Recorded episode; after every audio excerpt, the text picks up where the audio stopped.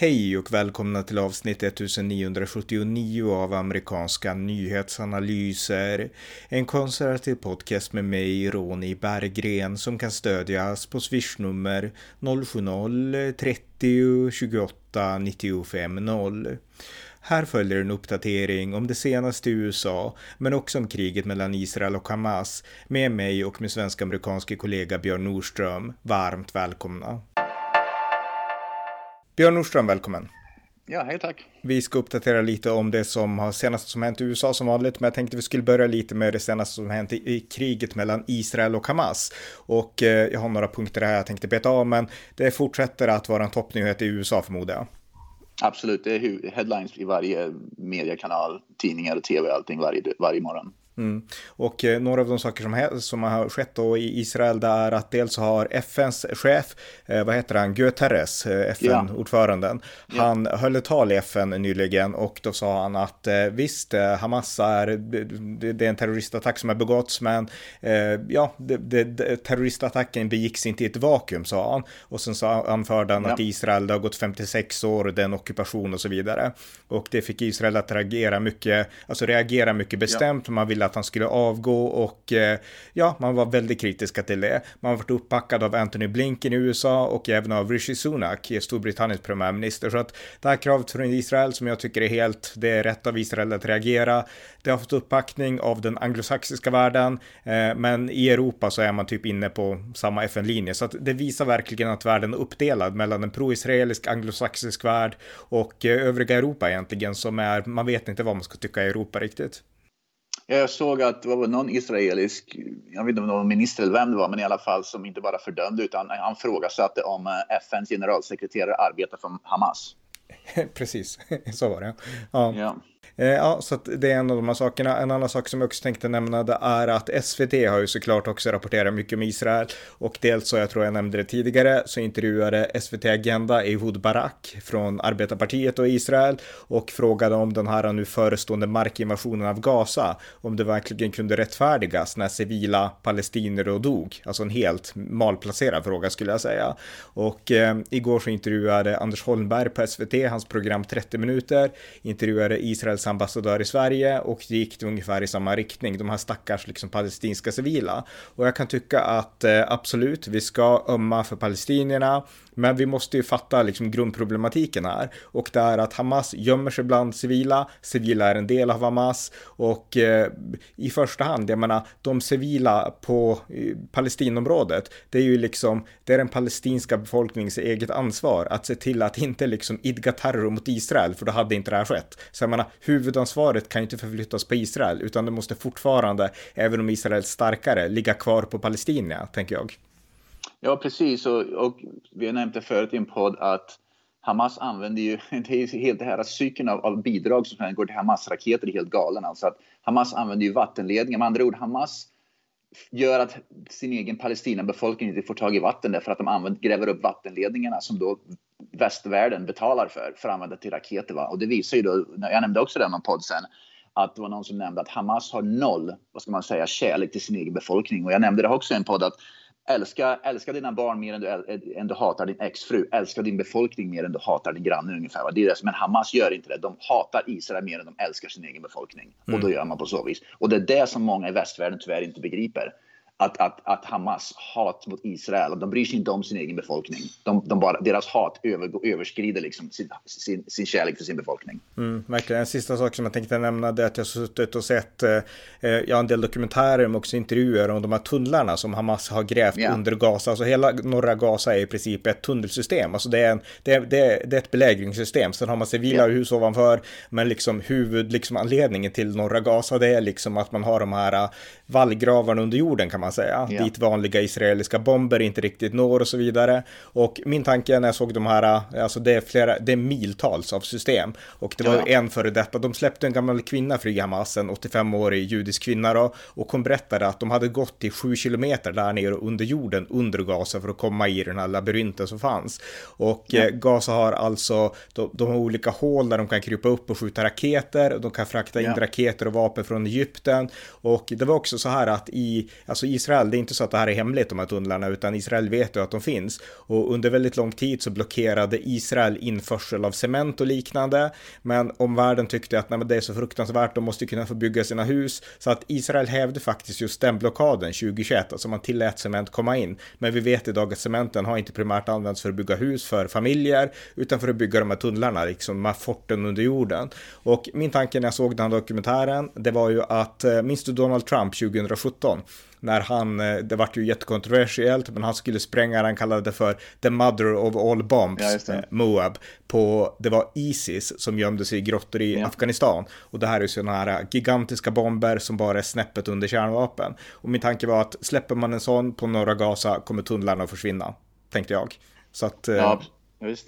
Och en sak jag också funderat på, så det här, det är ju att Hamas, återigen så har de ingen, bryr sig de inte om sin egen befolkning. De satsar alla sina resurser och förmodligen så kommer mycket av de pengarna från västvärlden för att gräva tunnlar och bygga upp de resurserna. Va? Så istället för att använda resurser för att bygga upp sjukhus och skolor och hus och så vidare och så vidare så använder de det för att gräva tunnlar för att sen kunna attackera. Va? Och det är det som många i västvärlden stöder. Och det, alltså det är helt vansinnigt hur, hur, hur liksom, vi kan acceptera att sånt här får ske. Att, mm. Det är inte så direkt så att, att Palestina är liksom att den, och det området spelar rikt område. Va? och, och palestinierna. Va? Så att resurserna tas för att användas till att gräva tunnlar för att kunna attackera grannland istället. Mm. Ja, det säger allt om hur, liksom, hur fruktansvärda Hamas är och att palestinierna yeah. är så integrerade. Men jag tänkte också, alltså, som sista sak då, på just det här temat, då, för att alla ni som vill, alltså ni som minns 2017 och Trump och den här yeah. bomben, alltså det var väldigt mycket skriverier om det. Och anledningen då till att man borde göra så på Gaza, det är såklart inte att man vill döda civila, utan Nej. att man måste betrakta norra Gaza som, alltså det här är ju en, det här är ju en fiendebelägrings, yeah. alltså alltså ett huvudnäste för fienden liksom. Det är inte en civil stad, utan under den här staden det dit pengarna gått så finns hela det här livsfarliga tunnelsystemet. Och Hamas fortsätter ju skjuta raketer även i, i, liksom i talande stund på Israel från de här tunnlarna. Så att jag menar, det måste förstöras på något sätt. Och går man in med trupper, alltså vanliga marksoldater, då kommer israeliska soldater, unga män och kvinnor i 20-årsåldern, dö som flugor. För det var det som hände med amerikanerna i Irak när man gick in i Fallujah, de här städerna i de här, jag menar, stads, striderna mot al-Qaida. Och det var ändå enklare än att gå in i tunnlar under jorden på totalt främmande mark. Så att jag menar, Israel måste göra någonting och eh, är det värt att offra massa israeliska ungdomars liv? Eh, jag tycker liksom att då vore alltså en sån här sak mycket bättre att bara spränga rejält uppifrån. Varna de civila och säga att ni som vill överleva, fly till södra Gaza och sen bara massiv bombning, tänker jag. Ja, visst, och vi vet med 100% säkerhet att om de inte tar hand om tunnlarna så kommer de tunnlarna att fortsätta att attackera Israel. Så Israel kommer att få ytterligare attacker i framtiden om de inte tar hand om det nu. Det vet vi med 100% mm. säkerhet. Det är, inte så att, det är inte så att Hamas kommer att sluta. Så länge tunnlarna finns kommer Hamas att fortsätta. Mm. Och jag menar, omvärlden skulle säkert kritisera ett sånt agerande, men alltså grunden här måste ju vara att Israel måste i det här läget betrakta sina egna soldater, de här ungdomarna som är inkallade från hela världen, som, alltså deras liv måste vara, vara värda mer än liksom Hamas infrastruktur. Och civila och så vidare, de kan fly. Just. Alltså man bombar ju inte utan att varna, utan fly, vi kommer att förstöra det här, ni har en vecka på er, sen kommer det här att försvinna. Och sen så, ja, så har man det valet, tänker jag. Precis som nu FN Guterres är så intresserad av, av liksom att, att skydda palestinierna, då kan ju faktiskt Gutierrez och ta sina liksom FN och gå in och, och, och se till att tunnlarna täpps igen och liksom fixa det problemet. Va? Men det gör de naturligtvis inte, utan de fördömer, men de gör ingenting själva. Nej, nej precis. För att stoppa problemet. Nej, exakt. Ja, det var lite om Israel. Om vi går tillbaka till USA då, vad har hänt i USA? Ja, jag såg att USA har attackerat med eh, stridsflygplan inne i Syrien mot eh, vad är det, militanta grupper då, som agerar ute inne i Syrien. Så de har tydligen bombat olika ställen i Syrien nu. Så USA blir ju allt mer indraget. Och jag såg också, det här visar också, det här är inte med, det här är Turkiet med, för Turkiet är ett NATO-land. Det som sker i Turkiet nu börjar likna det som skedde i Nazityskland på 30-talet. Va? Eh, jag såg en skylt på Istanbul, någon som la ut på, många som har lagt ut den på, på Facebook. Judar inte välkomna utan, utanför en butik, mm. restaurang. Mm. Så vi, vi återgår till det och det är det som vänstern står och hyllar. Och när vänstern gapar om att SD, ja vi återgår till 30-talet. Det här som vi ser nu som sker, det är att återgå till 30-talet och, och vänstern omfamnar den. Mm, ja, verkligen. Och jag menar även alla de här vänsterpersonerna som demonstrerar här i Europa, jag menar de demonstrerar ja. tillsammans med islamister, så absolut. Ja. De gjorde, i svenska kändisar gjorde ett upprop till stöd för palestinier. I USA så gjorde amerikanska kändisar ett upprop till stöd för Israel. Mm, Okej, okay. det visste jag inte. Det var, det alltså superkända, ben, det var liksom superkända, så Ben Stiller och Robert De Niro, liksom en rad superkända skådespelare. Va? Och i Sverige så stöder man is, äh, förlåt, palestinierna istället. Mm. Ja, det visar på kontrasten verkligen mellan de här två, alltså mellan Europa och USA. Eh, ja. En sak till också innan jag glömmer, alltså, det var ju en massskjutning häromdagen i, i Maine, Maine var det väl? Ja. ja kan du berätta om den?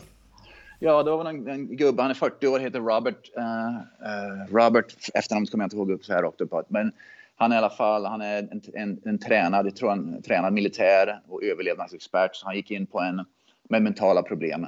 Han gick in på en bowling, där man spelar bowling, bowlinghall och sköt ihjäl ett, ja, ett halvt dussin personer. Sen gick han vidare till restaurang och sköt ihjäl ett halvt dussin, 18 döda sammanlagt. Och nu gömmer han sig så det är mass, liksom poliser, FBI och alla möjliga.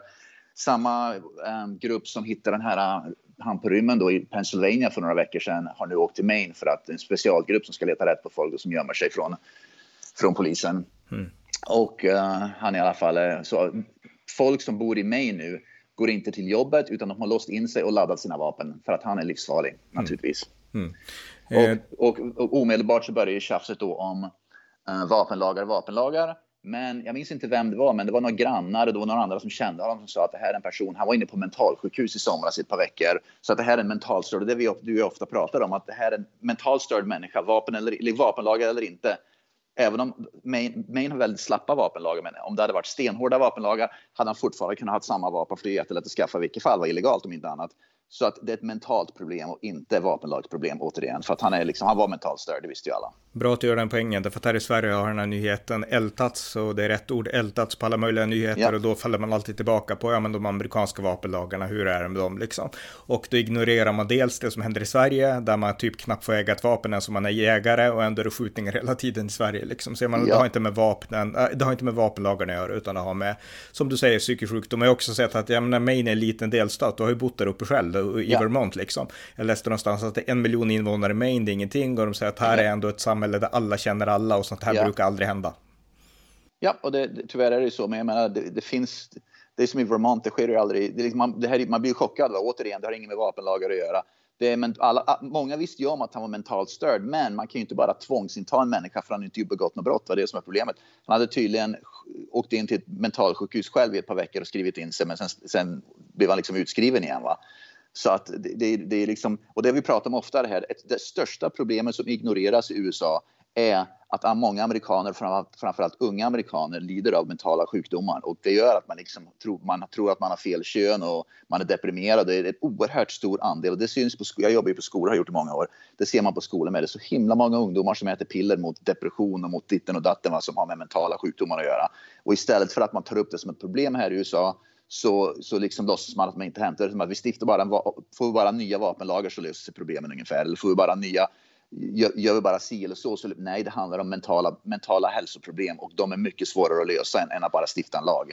Men har det att göra med politisk korrekthet, att man inte vill prata om mentala hälsoproblem, att man ska ha respekt för allas individuella liksom, känslor och så vidare, eller vad beror det på att man inte pratar om just den aspekten? Det är framförallt vänstern som inte vill prata om vänsterliberal media och mental hälsoproblemet passar inte deras politiska och ideologiska narrativ.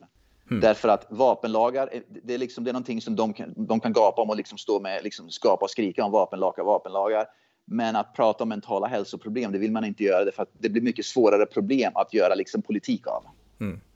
Än vapenlagar eller några andra liksom ytliga saker. Utan mentala hälsoproblem, det är ingenting man kan, ja precis, det kan man liksom inte bara stå och skylta om och liksom gå ut och skandera på på en demonstration. Liksom, mentala hälsa, mental, det, liksom, det, det, passar, det passar inte vänster, för vänster vill ha något väldigt enkelt. Vapenlagar eller alla, allt för alla, liksom väldigt, väldigt enkelt som liksom inte betyder någonting. Mm, ja. ja, något mer?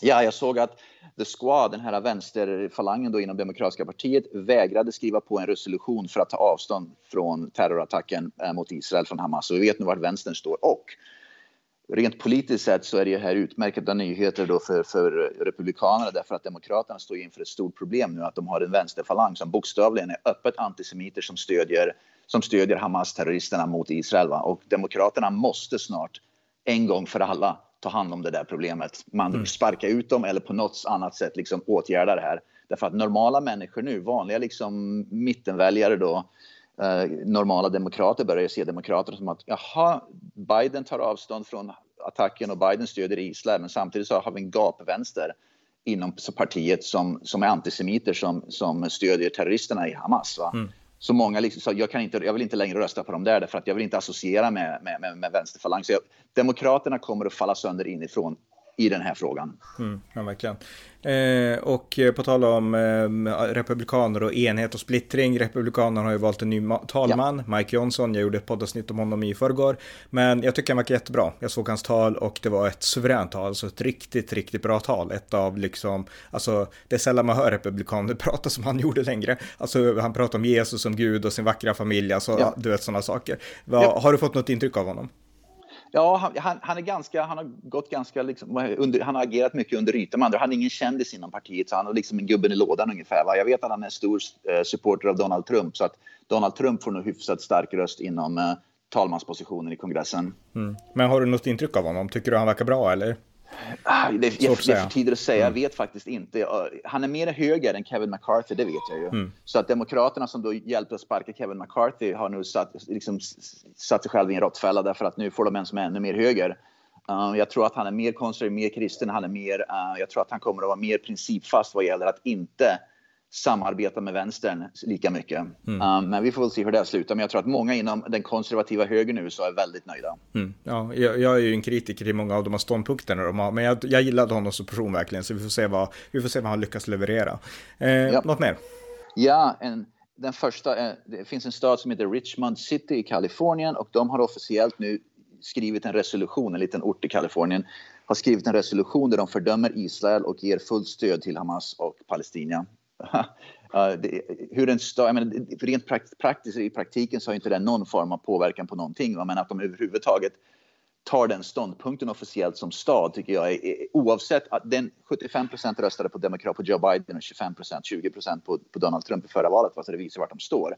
Men att de tar en stad, en kommun ska inte ta officiell ställning till utrikespolitik. Nej, det kan man tycka. Ron DeSantis, Floridas guvernör, han borde kanske inte heller göra det, men han har skickat flygplan med nödhjälp och även med drönare och eh, kroppsskydd och sådär till och hjälmar och sådär till Israel. Så att han, han gör tvärtom då, så att säga. Okej, okay. mm. ja det visste jag inte. Ja. Uh, på, tal om, på tal om en guvernör, uh, Greg Abbott, guvernör i Texas, förlåt det är inte han som har gjort det, men det, han kommer att skriva på det. Det är en, eh, en motion som nu har gått igenom eh, Texas representanthus. Det ska väl, måste också gå igenom senaten för innan, innan Abbott kan skriva på det. Men det är i alla fall en resolution som tillåter den lokala Texaspolisen och lokala sherifferna där att arrestera och utvisa in, illegala invandrare. Med andra ord, man, man kringgår då eh, federala. Naturligtvis så, så kan man eventuellt bryta mot federala lagar eftersom det är federala myndigheterna som är ansvariga för migrationspolitiken då. Men det de gör det är att det här kommer att hamna i domstol och Texas kommer att säga att eftersom inte eh, Joe Biden eh, verkställer de federala lagarna så måste vi ta lagen i egna händer nu. Så att eh, i alla fall han han, han arbetar stenhårt på att, och, och, och um, politikerna i Texas på att vi litar inte skvatt på federala myndigheterna att de ska kunna täppa till gränsen. Nej, och det finns ingen anledning att göra det heller. Jag läste någonstans att nu är det ytterligare ett rekordår, alltså i siffrorna ja. på den illegala invandringen till USA under Biden. Ja, för att gå vidare på det med woke, vi har pratat om det där väldigt mycket. IBM, storföretaget IBM, eh, har nu diskriminerat officiellt och det är den här goda så kallade vänstersidan som då ska vara goda, men de diskriminerar de har två så kallade internships, praktiktjänster då på IBM, som, där vita och asiater inte får ansöka. Utan det är bara kvinnor, svarta latinamerikaner och män som identifierar sig med kvinnor. Men alltså, liksom, heterosexuella asiater och vita får inte ansöka. Alltså det är helt otroligt vilken diskrimination det är. Naturligtvis baserat på vad Högsta domstolen i USA gjorde för några veckor sedan eh, när de då förbjöd den här affirmative action. Det här är förmodligen också Uh, inte lagligt skulle jag kunna tro. För att det är liksom en, en officiell, öppen form av diskriminering. Mm. Ja, något mer? Uh, jag kommer ihåg den här Jamal Bowman, den här killen som då, killen, mannen som då drog i kongressens brandlarm när de skulle göra en omröstning då i, uh, i kongressen för Speaker of the House för, för, några veckor sedan, för ett par veckor sedan.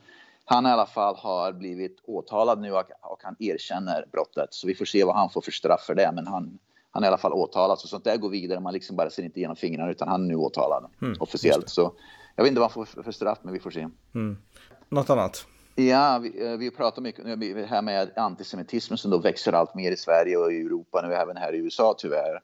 Uh, uh, Cooper Union, uh, är ett universitet, jag kommer inte ihåg vilken delstat det var i alla tal, förmodligen på östkusten skulle jag tro, nordöstra USA, men jag kommer inte ihåg. det i alla fall var ett universitet som uh, där, minns du hur, var det Riley Gaines som blev barrikerad när hon höll tal i, ett universitet i San Francisco? Mm. Hon, hon låste in sig, hon tvingades, hon höll tal där och sen vänsterliberalerna kom och liksom, mm, mm, liksom försökte, mm. ja, i alla fall.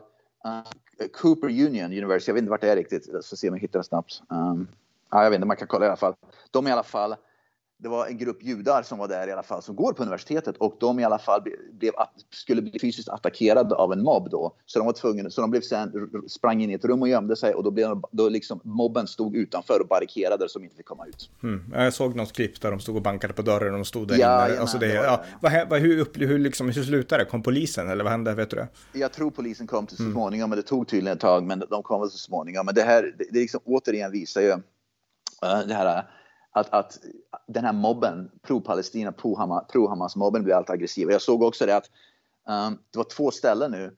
Eh, I, ett var i Kalifornien, det andra minns jag inte vart det var i alla fall. Men det är vanliga, liksom vanliga judar i sina hem det kommer upp människor till, till liksom, och ringer på, dörr, på, liksom, på dörrklockan då och börjar skrika antisemitiska slagord där judar bor i hemmen. Alltså det här påminner enormt mycket om det som skedde under, under Nazityskland. Mm. Och det händer i hela västvärlden. De, de, sitter, ja. mm. de, de liksom blir förföljda till sina hem, låser in sig och sen kommer det människor och ringer på dörrklockorna och bankar på dörren och försöker till och med bryta sig in i huset och, och gapar antisemitiska slagord. Alltså det är helt mm. otroligt. Ja, och det händer i hela västvärlden, till och med i USA som ändå är ett så pass liksom vänligt inställt land till Israel och judisk minoritet liksom. Så att jag menar, det, mm, det är faktiskt sjukt. Mm, det är sjukt. Mm. Ja.